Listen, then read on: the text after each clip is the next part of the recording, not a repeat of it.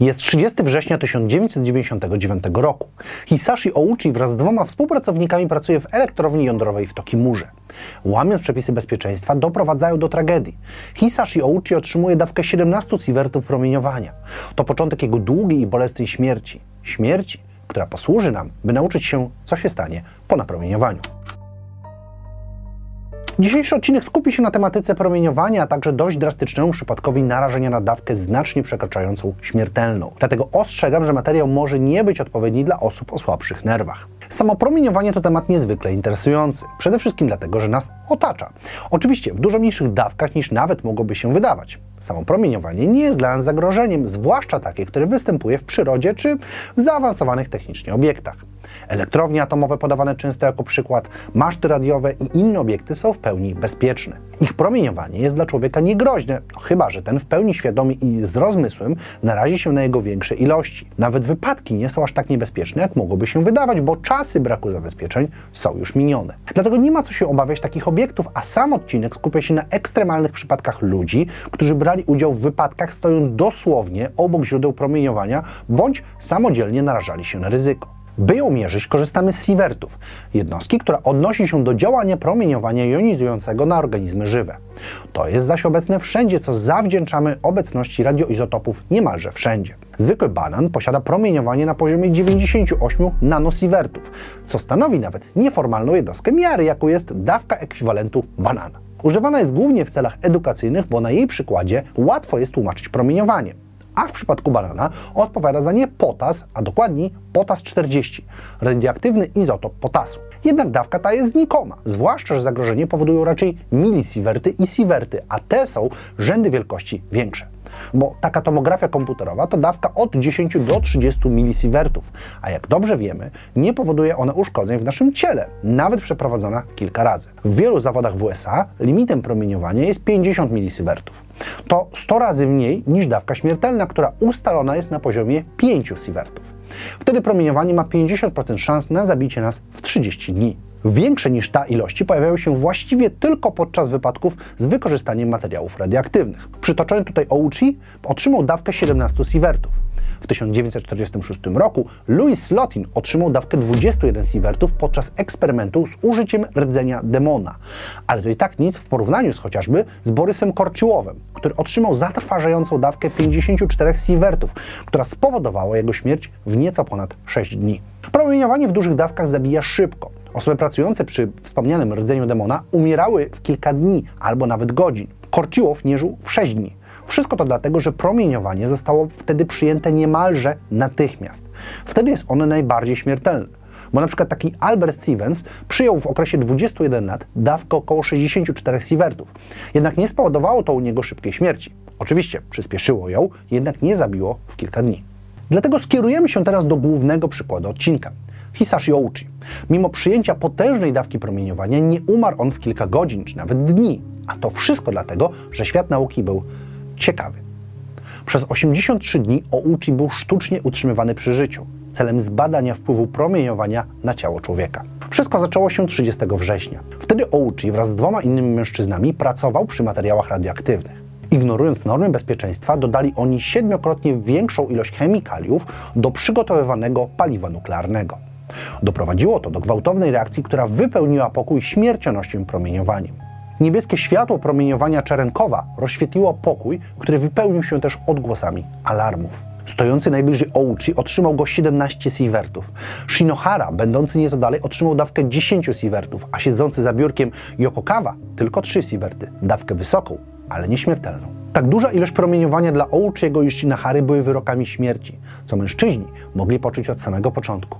Siła promieniowania wystarczyła, by zwalić ich z nóg, natychmiast powodując bóle głowy i mdłości zaraz obok poparzeń. Shinahara przetrwał 7 miesięcy. Jego komórki uległy uszkodzeniu, ciało pokryte było oparzeniami. Jego organy przestawały funkcjonować, a jakiekolwiek próby leczenia nie przynosiły efektu. Była to powolna i dość bolesna śmierć, jednak nie było ona nawet w ułamku tak przerażająca jak to, co spotkało Ouchiego.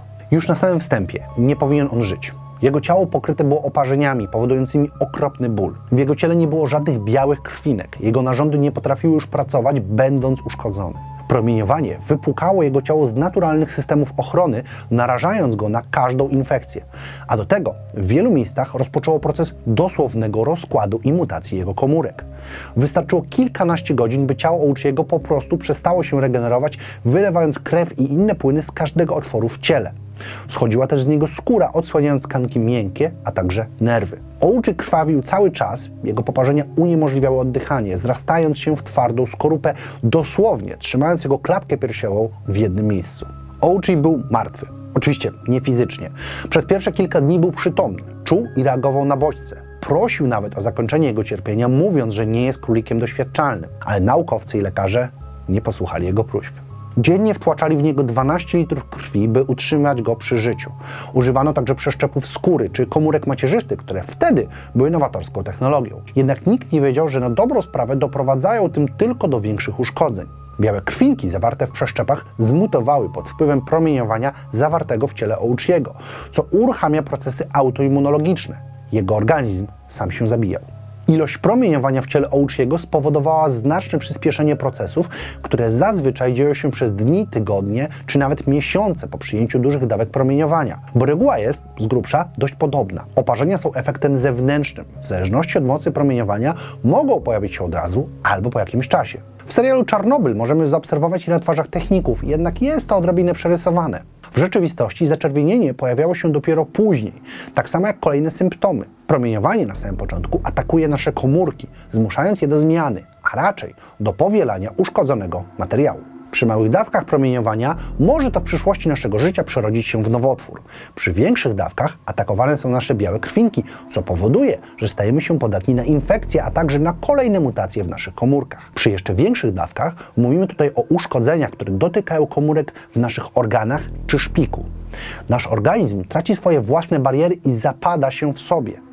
Do tego uszkodzone komórki sprzyjają krwotokom, które przy odpowiednio dużej dawce mogą znaleźć się w sercu, a to doprowadzi do ataków serca i szybkiej śmierci.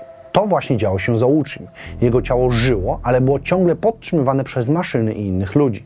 Sam Ouchi wprowadzony był w stan śpiączki i możemy tylko mieć nadzieję, że nie czuł nic, bo jego ciało dosłownie się rozpadało. Skóra zeszła z niego po kilku dniach. Mięśnie zaczynały umierać. Po kilku tygodniach jego noga po prostu odpadła, odrywając się od stawu kolanowego. Każdy organ powoli zaczął się poddawać, w tym serce. Miał zawały, po których był reanimowany, a każdy kolejny uszkadzał jego mózg. Popularnym jest mówienie, że jego DNA się rozpadło.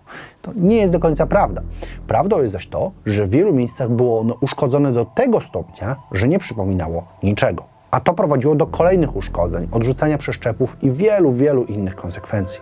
W końcu jednak 21 grudnia 1999 roku, po 83 dniach, Ouchi zmarł.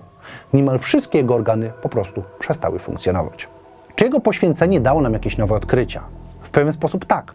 Odkryliśmy, że możemy utrzymywać przy życiu ludzi, którzy technicznie nie powinni już żyć. Do tego świat nauki mógł obserwować wiele procesów, które zachodziły niejako w przyspieszeniu. Dzięki temu lepiej udało się zrozumieć promieniowanie. Dużo do nauki wniosły też ostatnie tygodnie życia drugiego pacjenta, czyli Shinahary. Tutaj z większym sukcesem udało się wydłużyć jego życie, stosując wiele nowoczesnych, jak na tamte czasy, metod. Dzięki temu mamy lepsze zrozumienie pewnych procesów zachodzących u ofiar ostrej choroby popromiennej i być może większe szanse na ich leczenie.